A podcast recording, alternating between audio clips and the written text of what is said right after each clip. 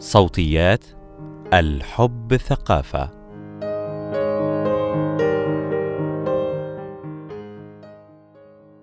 مفيش شك إن اختيار الرضاعة الطبيعية هو الاختيار الأفضل من الناحية الصحية مش بس بالنسبة للطفل ولكن بالنسبة للأم كمان.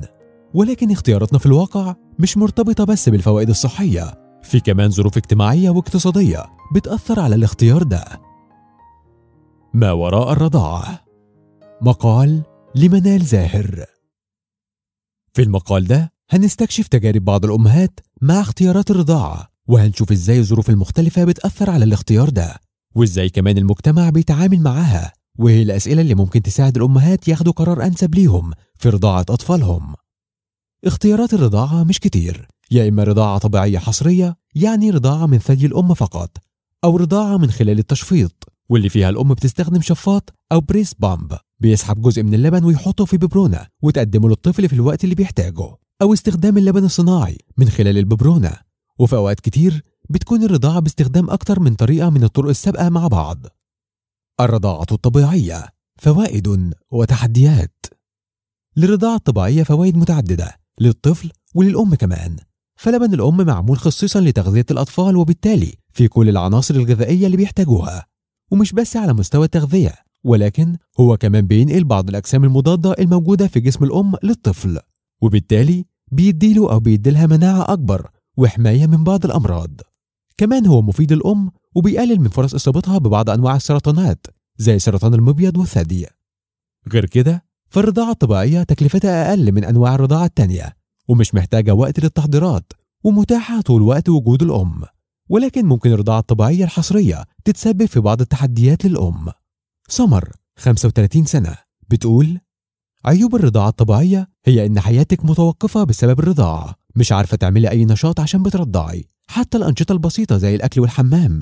كمان في صعوبة في الرضاعة في الأماكن العامة عشان دي حاجة مش منتشرة. والناس ممكن تكون بتبص بصات غريبة أو ممكن تتشاف إنها جرأة. ده غير إن الطفل معتمد عليك 24 ساعة. فلو في أي ظروف مش هيكون بياكل أي حاجة تانية. كمان رجوع الأم للشغل أصعب. يعني الأم بتبقى مضطرة تستخدم البامب وده بياخد وقت ومجهود وتعب. وبالإضافة للي سمر بتقوله عن إن الرضاعة الطبيعية الحصرية بتخلي الأم محتاجة تبقى موجودة طول الوقت يمكن 24 ساعة في اليوم خصوصا لو الرضاعة لسه مش منتظمة وده بيحط ضغط على الأم لاحتياجها للتواجد المستمر حوالين الطفل وبيقلل من الوقت اللي ممكن تمارس فيه أنشطتها اليومية وبيصعب إنها ترجع للشغل. فهي كمان في أوقات كتير بتتسبب في آلام الحلمات وخصوصا في بداية الرضاعة. هل الرضاعة بتزود الترابط بين الأم والطفل؟ أول حاجة بتسمعها أي أم جديدة عن الرضاعة هي إنها بتزود الترابط بين الأم والطفل ولكن هل ده بيحصل بسبب الرضاعة نفسها ولا بسبب الوقت اللي الأم دي بتقضيه مع الطفل؟ نورهان 28 سنة بتقول تجربة الرضاعة كانت أصعب تجربة بالنسبة لي أكتر من الحمل والولادة في الأول موضوع إن اللبن مش بينزل والناس اللي حواليا بيقولوا لي جربي ترضعيه وهو مفيش لبن بينزل بعد بداية نزول اللبن بدأ وجع الحلمات. قالوا لي استحملي عشان الرضاعة هي اللي بتخفف الألم. لكن الوجع كان بيزيد. رحت للدكتور وكتب لي دواء بس فضلت برضه بنفس الألم. أغلب اللي حواليا كانوا بيقولوا لي استحملي. ومع الوقت بدأ الموضوع يسبب لي اكتئاب والشعور ده اتنقل لابني. الرضاعة بالنسبة لي كانت عذاب. كانت آخر حاجة بقدمها له. لو هو بيعيط هجرب أغير له أو أهزه شوية عشان ينام. أغلب الناس ما كانتش حاسة بألمي لأنهم شايفين إن دي التشققات العادية. بس الوضع بالنسبة لي كان مختلف ومؤلم أكتر وعديت على دكاترة كتير ومحدش كان عارف أنا عندي إيه. كملت رضاعة طبيعي عشان أنا عارفة إن ده الأصح ليه بس مش عشان حاسة إن ده بيخلي في رابط بينا. لأ الرابط كان بيحصل بينا من خلال حاجات تانية. بعد أربع شهور بدأت أدخله رضاعات لبن صناعي وده ساعدني لما بدأت أنزل الشغل. بعد شوية وقت وقفنا اللبن الصناعي لما الألم اللي عندي راح ومع الأكل كان بيرضع طبيعي بس والرضاعة الطبيعي كانت أسهل إنه لو عيط هرضعه على طول مش محتاجة لسه أجهز الببرونة فليها مميزات. ومكملة في رضاعته وعاوزة أكمل سنتين عشان الدراسات بتقول إن السنة التانية مهمة زي الأولى. في دراسة كانت بتبحث عن العلاقة بين الرضاعة الطبيعية والترابط والشعور بالأمان بين الأم والطفل. وصلت الدراسة إن مفيش علاقة مباشرة بين الرضاعة الطبيعية وشعور الطفل بالأمان أو الترابط مع الأم.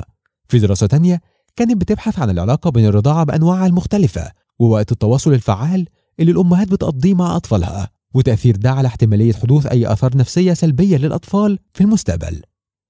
كانت نتائج الدراسة دي هي أن الرضاعة الطبيعية الحصرية يعني من غير لبن صناعي أو ببرونة بيصاحبها أقل نسبة لاحتمالية حدوث آثار نفسية سلبية في الأطفال مع قضاء وقت للتواصل الفعال.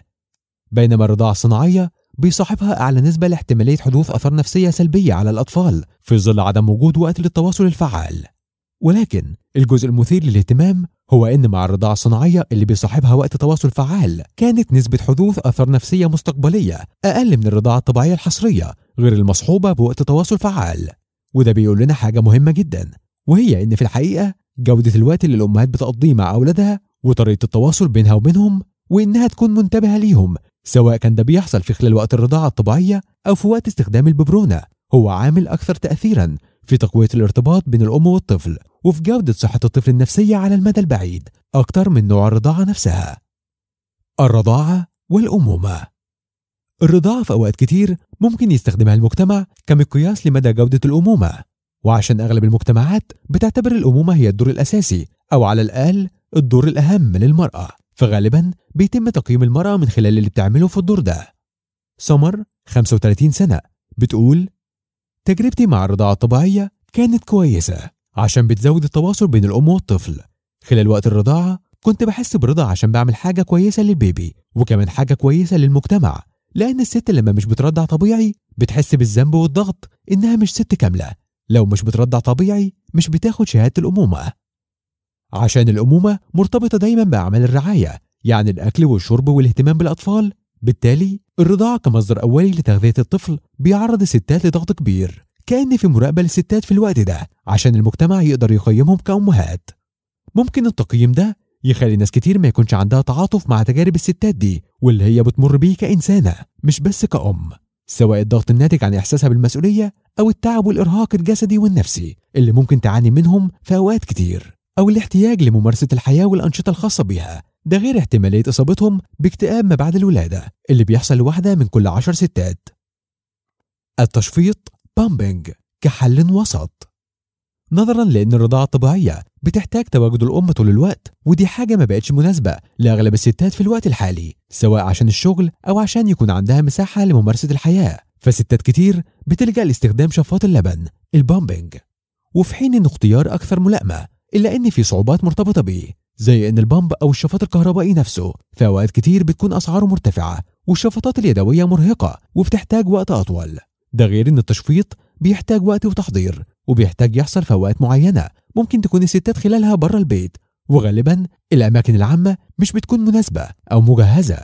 ولكن ما زال اختيار التشفيط اختيار مناسب للكثير من الأمهات. وبيساعدهم إن الطفل يتغذى بلبن الأم وممكن يسمح لأشخاص آخرين من العيلة إنهم يرضعوه. ندى 32 سنة بتقول قبل الحمل كنت قاعدة أذاكر عشان أفهم وأكون واعية بالمراحل اللي بمر بيها وده فرق معايا في مراحل كتير جدا ليا ولابني. من أكتر الحاجات اللي كنت حريصة عليها وحاسة إن داخلة جاهزة بالنسبة ليها هي الرضاعة وكنت فاهمة خلال مراحل الحمل عشان القراية بتاعتي. بس الرضاعة الطبيعية حسستني إني اتخذلت. كان الامتحان اللي كنت مذاكراه له كويس قوي طلع أصعب بكتير. طول الحمل كنت بعمل التمارين وبحط الكريمات اللي بتتحط على الحلمات. لحد لحظة ال skin to skin اكتشفت إن كل الكلام والنظريات حاجة وإن وجود حد قدامي أنا مسؤولة عن تغذيته بشكل كامل. حاجة تانية الألم كان شبه صعقات الكهرباء. أول كام يوم ما كانش الوجع شديد ولكن مع الوقت الألم كان بيشتد. أنا فضلت أرضع طبيعي أول شهر ونص. بعد كده بقى الألم لا يحتمل. كان ألم الرضاعة أسوأ من ألم جرح الولادة القيصرية. جربت كل النصايح اللي سمعتها وكان الألم مش بيخف.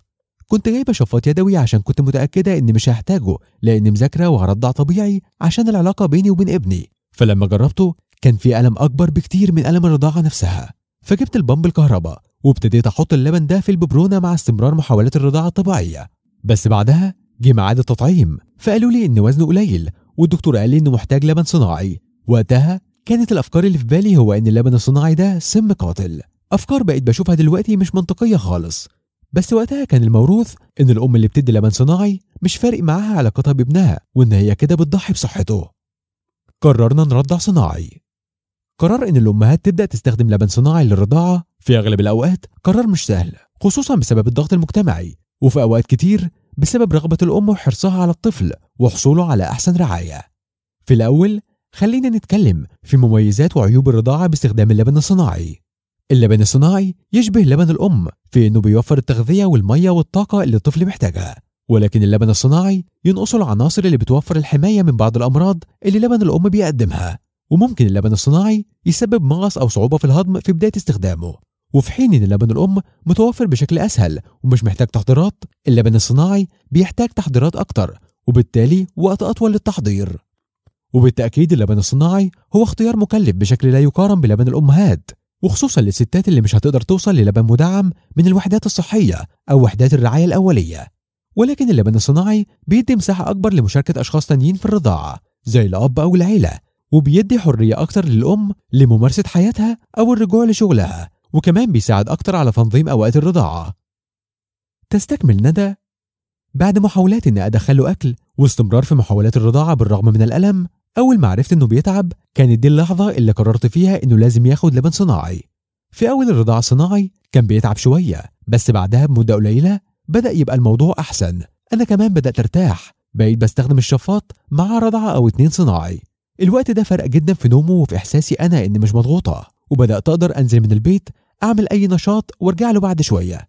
بعد كده رحت أنا للدكتور فقال لي إن عندي التهابات في الصدر فالدكاترة طلبوا مني إن أوقف رضاعة طبيعية. وبعدها اللبن خلص من صدري فوقفنا الرضاعة والبامبنج. بعد كده ابني كمل رضاعة صناعي لحد ما بدأ ياكل ودايما خلال نموه وتطوره كنت بحس إنه طفل طبيعي مش ناقصه حاجة في نموه أو مناعته. وكنت بهتم بعد كده إن الأكل اللي بياكله يكون أكل صحي ووزنه كان مظبوط.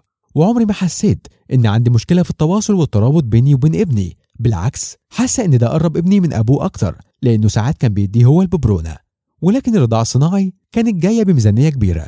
مع السن جرعات اللبن بتبقى أكتر. كان وقتها سعر اللبن 130 جنيه وصل حاليا لأكتر من 300 جنيه. ما كنتش بجيب لبن الصحة عشان قلقانة من تغيير نوع اللبن وإنه ممكن يعمل مغص.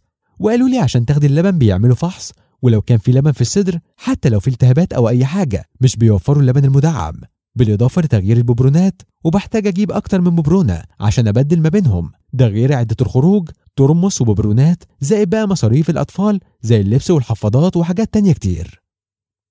في النهاية وانتوا بتفكروا في القرارات الخاصة بالرضاعة وعشان تكونوا مستعدين بشكل كويس ممكن تبتدوا بالتفكير مع بعض في الأسئلة دي. مين في الأسرة بيشتغل ومين يقدر ياخد أجازة لفترة؟